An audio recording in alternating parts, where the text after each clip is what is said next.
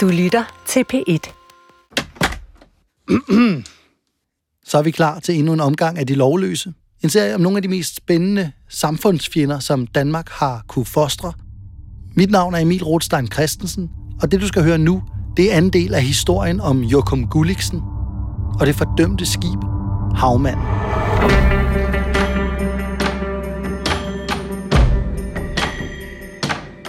Og jeg må nok hellere sige her fra start af, at det her bliver en ret blodig episode. Så ved I i hvert fald det.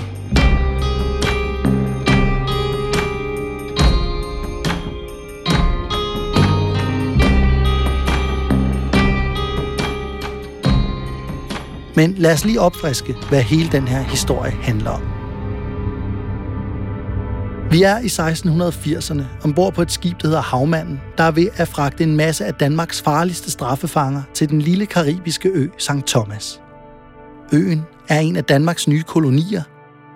En af de her fanger hedder Jokum Gulliksen, og han er vores hovedperson.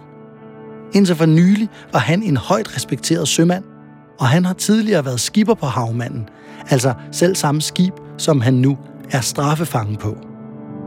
Og han er rasende og hævntørstig, for han mener nemlig, at havmanden det er hans skib. Ombord er også Jørgen Iversen, som skal med til St. Thomas for at blive indsat som ny guvernør på øen.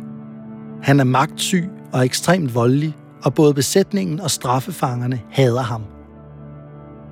Og så er der skibets kaptajn, Jan Blom. Han er også voldelig og for drukken, og i det hele taget en ret dårlig kaptajn, som kun sørger for sig selv og sin lille klikke af udvalgte officerer, mens alle andre har det af helvede til. Kaptajn Blom her har i to en halv måned prøvet at få havmanden til Karibien, men de er stadig ikke kommet længere end til den engelske kanal, hvor de ligger indhyllet i en tæt tåge og ikke aner, hvilken retning de skal sejle. Man bumler rundt på må og få, delvist fortabt. De her danskere, de er altså sådan grundigt fucked. Manden, der taler her, er Johan Heinsen. Han er lektor i historie ved Aalborg Universitet, og han hjælper mig med at fortælle den her historie om havmanden, Jokum Gulliksen og Danmarks historiens blodigste mytteri. Og der, hvor vi hopper ind i fortællingen igen, der er stemningen på et lavpunkt. Havmanden er faret vild, og både maden og drikkevandet er ved at slippe op. Og hele natten har straffefanger og menige sømænd siddet under dækket og lagt planer for, hvordan de kan overtage kommandoen på skibet. Og her befinder Jokum Gulliksen sig i en central, men indtil videre lidt tilbagetrukket rolle. Men det bliver der snart lavet om på. Og havmandens rejse kommer til at ændre sig radikalt. Allerede i forbindelse med juledagene har der floreret en plan om, at man måske kunne bruge lejligheden, når nu at der var Øh, godt gang i den med brændevinen i, i kahytten, til simpelthen at, at, øh, at overtage øh, skibet.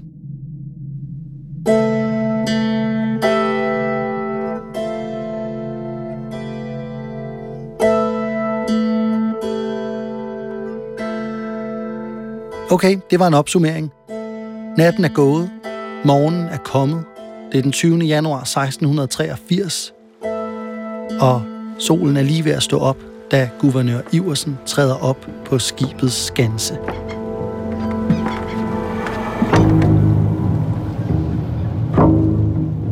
Her bliver han overrasket over at finde kaptajn Blom, der sidder helt underlig modløs på gulvet. Han fortæller guvernøren, at hans mandskab har holdt op med at følge hans ordre, og de lige nu sidder nede under dækket sammen med straffefangerne og drikker sig helt ned. Det gør selvfølgelig Iversen godt gal i skralden, så han marcherer resolut ned til forsamlingen for at give dem en skideball, men han bliver nærmest jaget op igen af en af skibets ellers lovlydige underofficerer. Men da han er ude af syne, så begynder den vrede gruppe af fanger og sømænd, som sidder nede under dækket, også at bevæge sig ovenpå. Hvor iblandt vi må forestille os, at, at Jokum Gulliksen også er. De er bevæbnet med knive og hugger der. Og op på skansen, hvor der ellers kun er adgang for skibets absolute top, finder de kaptajn Blom med en håndfuld af sine allierede omkring sig. Den befippede kaptajn prøver at love dem dejlig mad og mere vand, som ikke er rådent, og øl og måske også vin af til, men de gider ikke høre på ham. Imens kaptajn Blom prøver at forhandle med de her sure folk, så er der nogen, der råber, at guvernør Iversen skal komme op til dem. Og guvernøren, som nok heller ikke helt har fattet situationens alvor, begynder at bevæge sig i retning af optrinnet. Men på vejen så bliver han mødt af en endnu større gruppe utilfredse, fulde og bevæbnede mytterister. De trænger ham op i en krog på agterdækket, så han har ryggen mod vandet. Og der bliver råbt, grib den sjælesælger og smid ham i havet. Iversens blik bliver sløret, da han ser gruppen bevæge sig nærmere. Og han forsøger at sparke og slå og kæmpe sig igennem menneskemængden, men der går ikke mange sekunder, så er Iversen endt på den forkerte side af reglingen, som han forsøger at klynge sig til med alle sine kræfter, mens han beder for sit liv med den ene hektiske bøn efter den anden. Men det hjælper ham ikke. Hans greb bliver løsnet, finger for finger, inden han med et lydløst skrig rammer bølgerne. Og dør en, øh, en jammerlig død. Mændene på det øverste skansedæk strækker halsen for at følge guvernørens nærmest slow-motion-agtige fald fra agterdækket. Og så vender de sig mod kaptajnen.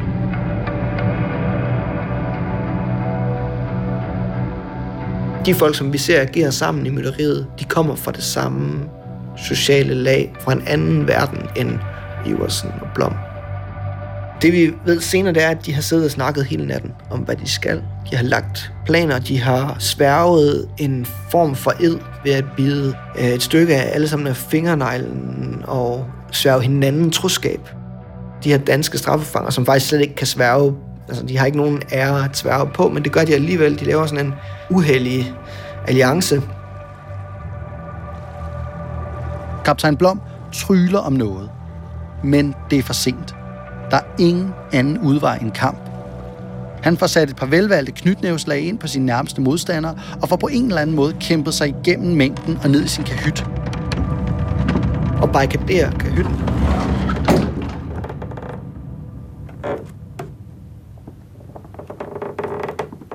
Kaptajn Blom stiller sig med ryggen mod væggen længst væk fra døren og kigger stift på den.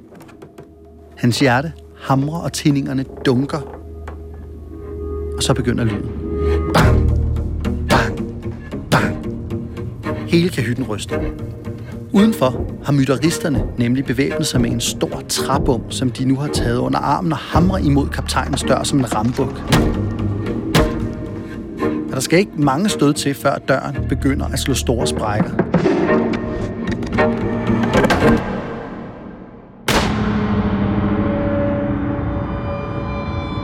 Skyder ud igennem barrikaden, da det går op for måske der går op for ham, at den ikke holder med et gevær. Sårer en af straffefangerne, som er med til at, at holde rambukken udenfor. Der opstår en kort forvirring, men få sekunder efter, at døren og barrikaden alligevel fjernet, og kahytten er fyldt med mytterister. Men kaptajn Blom er væk. Alt bliver rodet igennem. Men det eneste spor efter ham er det gevær, han lige har skudt med.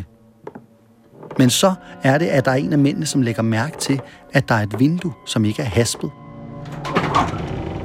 Og da de åbner det, kan de se kaptajn Blom klynge sig til agterstavnen nogle meter under dem.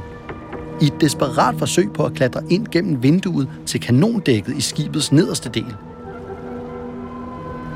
Og helt kølig griber mytteristen Bloms eget gevær, læner sig ud af vinduet og sigter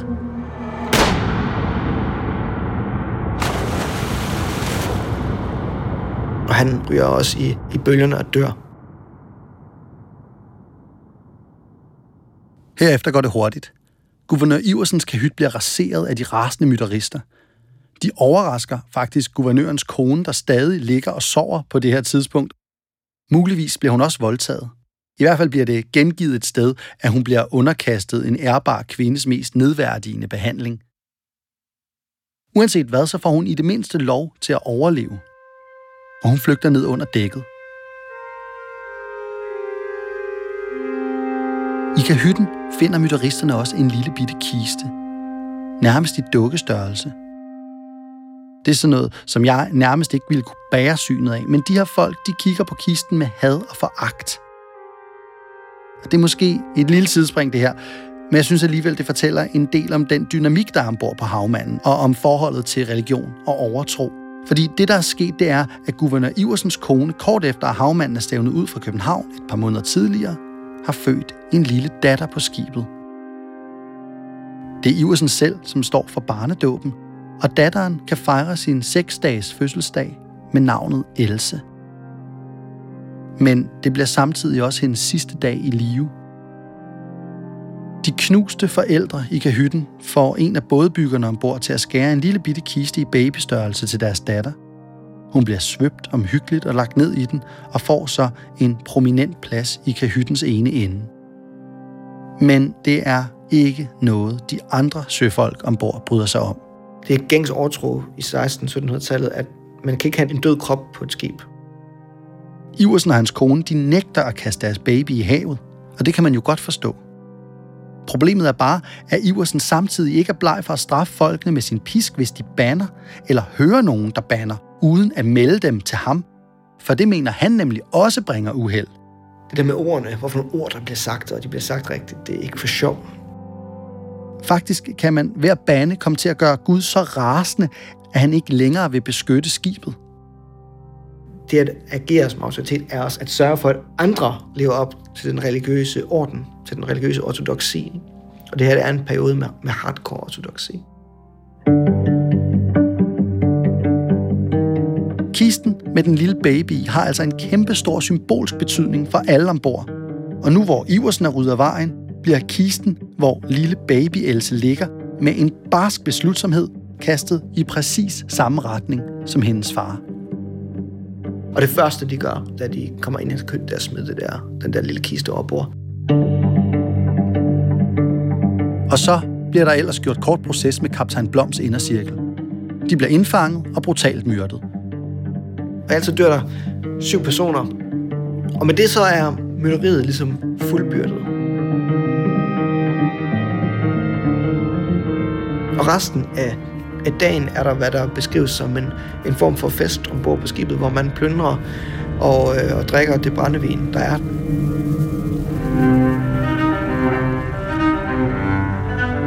Der er jo rigtig meget brændevin ombord, blandt andet fordi at den her rejse har tænkt sådan, at den skulle til St. Thomas og så tilbage over Atlanten, så der er også forsyninger til den næste rejse.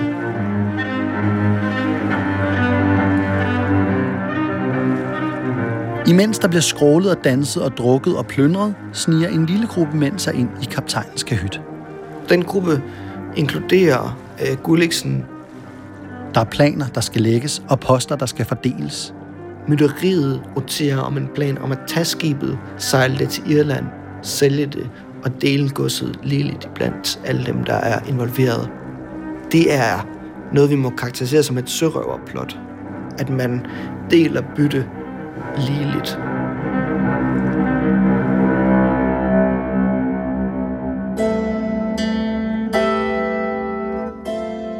Så det er en verden med sådan et, et flat fordelingssystem, som står direkte kontrast til, hvordan man ellers normalt organiserer øh, handelsforetagender. Og de udnævner en ny ledelse for skibet, og fordeler posterne imellem de her, øh, de her folk. Og det er her i kahytten, at Jokum Gulliksen træder ud af skyggerne. Han bliver udset til at skulle være kaptajnen, der kan føre skibet fra den engelske kanal, hvor man ligger og roder rundt, til Irland. Gulliksen kender skibet. Han kan tale skibets sprog. Det er hans skib. Og efter alt at dømme, så må vi også vurdere, at Gulliksen har været i stand til at gøre det. I hvert fald så går skibets sådan rejse fremgang går meget lettere og hurtigere under hans ledelse, end den gør under, den, altså under Blom, som dør i, i, i selve mytteriet. Og så går de ud igen på dækket og annoncerer, hvad de har fundet ud af. Døren til kahytten bliver slået op, og pludselig bliver der stille på dækket. Den lille, selvbestaltede sørøverledelsesgruppe skal stå sin prøve. Fordi det skal foregå ligesom på de rigtige piratskibe i Karibien, så skal kaptajnen naturligvis også vælges af besætningen. Fordi der skal jo ikke være nogen totalitær tvang mere. så er spørgsmålet jo så bare, om besætningen kan stemme for Jokum Gulliksen som havmandens nye kaptajn. Det jubelbrøl, som Gulliksen lidt havde håbet på, bliver der ikke noget af. Det er faktisk helt tydeligt, at der er flere, der ikke synes, det er en særlig god idé med ham som kaptajn.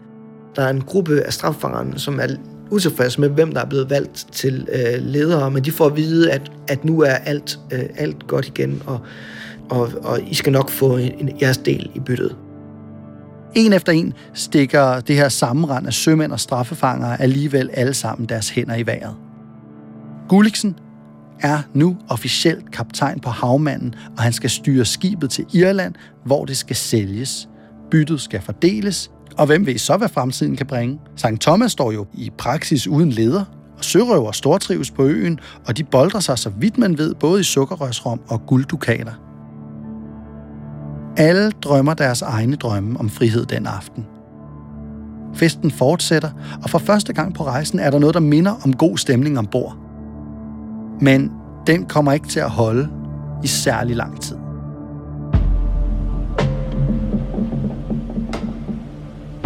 Altså havmanden blev ledet af en gruppe, som udnævner sig selv til ledere, men allerede i, i dagene efter, der finder øh, nogle af de nye ledelsesmænd, de finder en gruppe i gang med at lægge nye planer.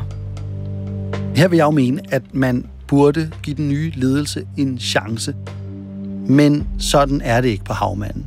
Der er ingen, der tager den med ro. Og der går kun fire, måske fem dage, før en lille gruppe straffefanger bliver taget i at planlægge et nyt mytteri mod mytteristerne. Gulliksen bliver rasende, og for at vise, hvem der bestemmer sig, hiver han fire mand op på dækket og henretter dem foran resten af besætningen. Det er slutningen på den koalition, der har skabt mytteriet. Det er slutningen på den lighed, der har været, der har været skue et øjeblik. Der er ikke meget tillid eller lighed tilbage på havmanden efter det her. Besætningen er redselslagende for Gulliksen, og det står også meget hurtigt klart, at havmandens nye ledere egentlig heller ikke er særligt interesseret i at holde deres smukke ord om sørøversolidaritet. Der sker alle mulige mærkelige ting ombord det næste stykke tid. Blandt andet indlogerer Gulliksen sig selv i kahytten med al den luksus, der følger med, samtidig med, at han får låst næsten alle straffefangerne inde i lastrummet, hvor de bliver fodret gennem en lille luge, og der står bevæbnede vagter ved døren, fuldstændig ligesom på slaveskibene. Sådan kører det et stykke tid, inden Gulliksen beslutter, at han nu vil sætte de fleste af straffefangerne af på de små øer af Soren ude i Atlanterhavet. De sætter simpelthen majoriteten af på en lille ø, der hedder Flores. Den nye ledelse, de vil først lige tynde ud i rækkerne, så der er lidt mere bytte at dele. Men det er stadig svært helt at forstå, hvad det er, Gulliksen egentlig er ude efter. Han er tydeligvis mere interesseret i at blive kaptajn og få hævn over de folk, der har ydmyget ham, end han er interesseret i, at de her straffefanger skal behandles ordentligt. Måske har han altid set sig selv mere som en del af skibshierarkiets top, og egentlig foragtet dem på bunden. Da havmanden har efterladt de her straffefanger på Azorerne, så vender man snuden nordpå mod Irland. Men på et eller andet tidspunkt mellem Azorerne og Irland får Gulliksen en ny fix idé, som jeg må indrømme, jeg ikke helt fatter. Nu vil han slet ikke sælge skibet alligevel, han vil i stedet for tilbage til København og bruge havmanden i en slags forhandling med de danske myndigheder. I får jeres flotte skib igen, hvis jeg til gengæld bliver benådet. Den eneste forklaring på det her, som jeg kan finde frem til, er, at Gulliksen simpelthen har et eller andet behov for at blive anerkendt for sine evner som kaptajn.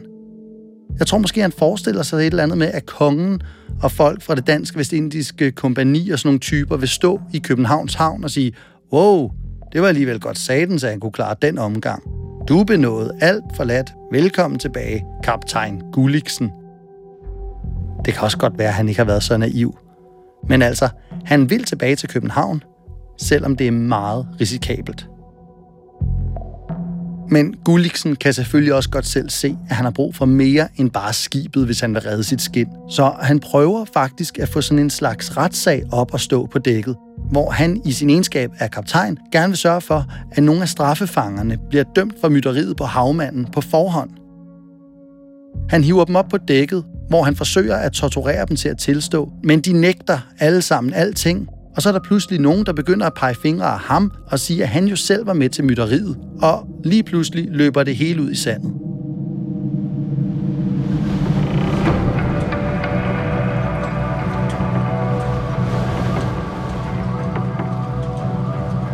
Imens alt det her sker, så nærmer havmanden sig Danmark og København mere og mere.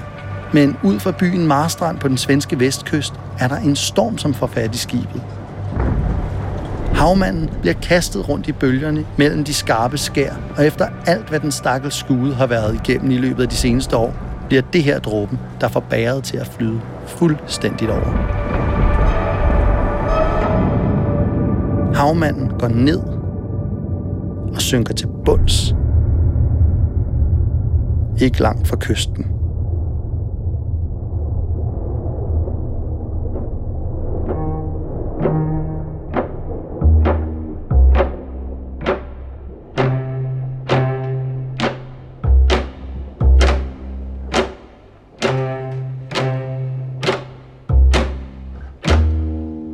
Alle mand overlever og bliver reddet i land.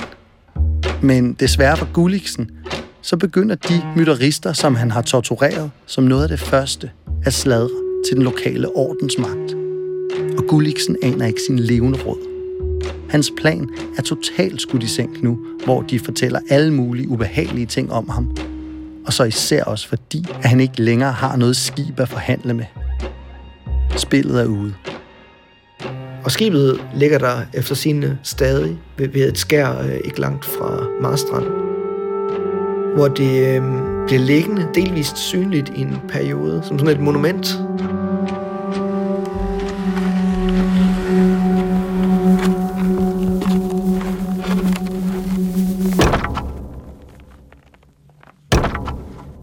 Et sted på volden uden for Østerport i København er der blevet banket ni høje pæle ned i den bløde jord.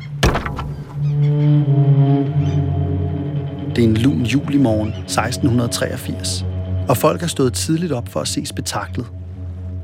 Der er sat et skafot op, der minder om en lille træscene, og det er her dramaet skal foregå. Bødlen, et par medhjælpere og præsten står allerede klar. Der hviler et stort pres på dem. For de er ansvarlige for, at alt følger det planlagte manuskript, og at alting klapper, når det skal. De ni hovedmytterister, som inkluderer Gulliksen, de bliver dømt til meget, meget blodige henrettelser, som er et, et, et skuestykke, som overværes af mange tusind mennesker. Der er en sidrende spænding blandt publikum.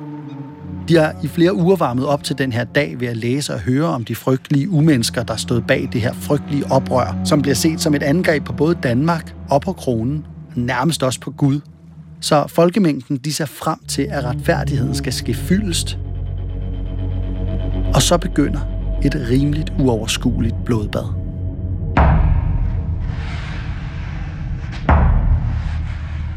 Først bliver den af mytteristerne, som retten er kommet frem til har været primus motor i drabene på kaptajn Blom og guvernør Iversen, hævet op på scenen.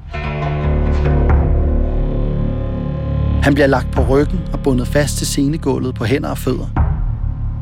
Bødlen lægger ud med at tage en stor glødende tang og knibe ham i hvert bryst – Manden på gulvet skriger og vrider sig i smerte. Så får han hugget først den højre hånd af, så sit ene øre, og så bliver hans arme og ben knust, imens præsten med lynets hast får bedt en bønd for ham, inden det gentorturerede offer til sidst bliver kvalt og parteret. Det er helt forfærdeligt at tænke på. Og især at folk samtidig står og glor og gyser og griner og viner og jubler – Men manden her er knap nok blevet splittet ad, før fire andre mænd med bind for øjnene, det er de fire heldige, skal man måske tilføje, de bliver placeret på deres knæ neden for scenen. Og med knivskarp effektivitet får de hovederne hugget af. Her kommer præsten også på overarbejde, da han skal nå at få bedt for dem hver især, inden hovederne ryger. Og det er lidt svært for ham at skære igennem alt deres jamren og skrigen og publikum, der larmer. Men det lykkedes sådan nogenlunde for ham.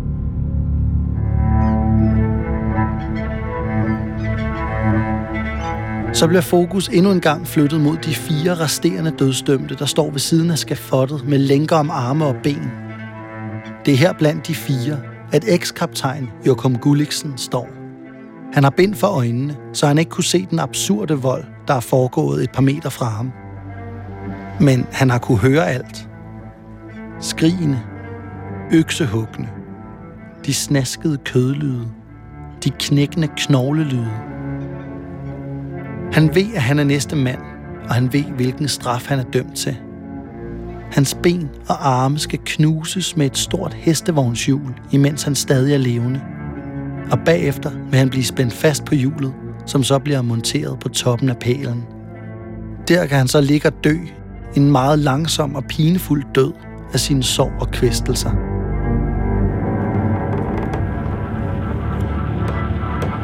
Gulliksen bliver lagt på skafottets skuld og bliver spændt fast.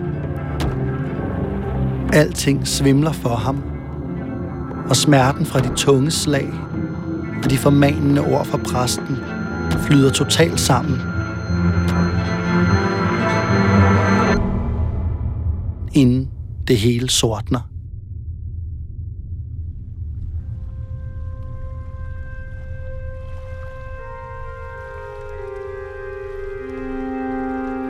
Alt er igen stille uden for Østerport.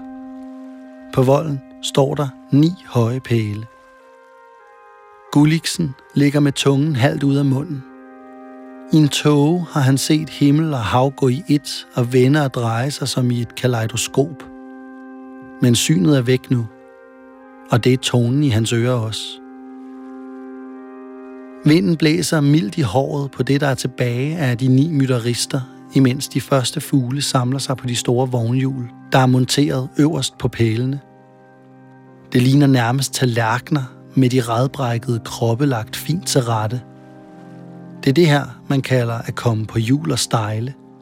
Og de ni mytterister, de skal stå her til skræk og advarsel. Ikke mindst for mandskaberne på alle de skibe, der ikke kan undgå at sejle forbi her, når de lægger til eller stævner ud fra København.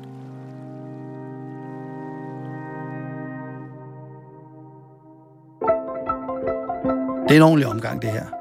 Og det har sikkert været endnu mere makabert og uhyggeligt i virkeligheden.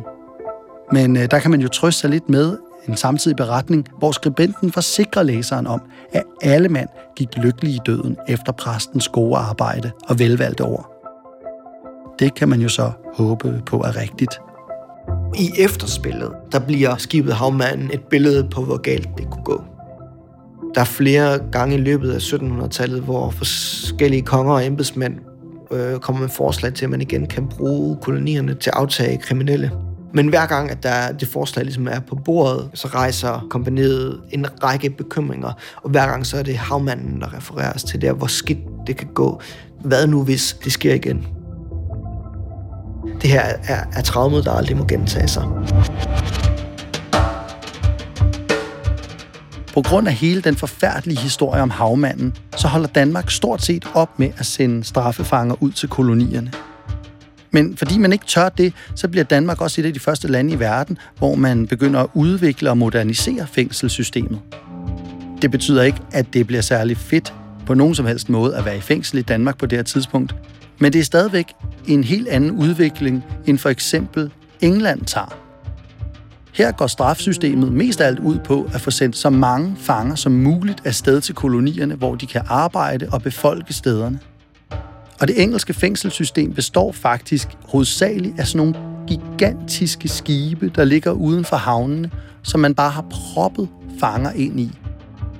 Der er overfyldt og ulækkert, og fangerne vader bare rundt i hinanden, hvis de ikke ligefrem slår hinanden ihjel, imens de venter på, at de bliver skibet afsted med et koloniskib til Australien for eksempel. Og hovedpersonen i den næste historie, du skal høre, han ender faktisk med at blive indespærret på lige præcis sådan et fængselsskib.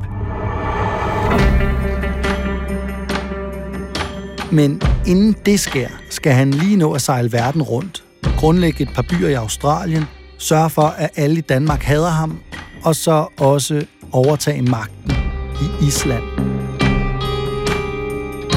Og det er en lige så enestående fortælling, som det lyder. Så den synes jeg helt klart også, du skal høre.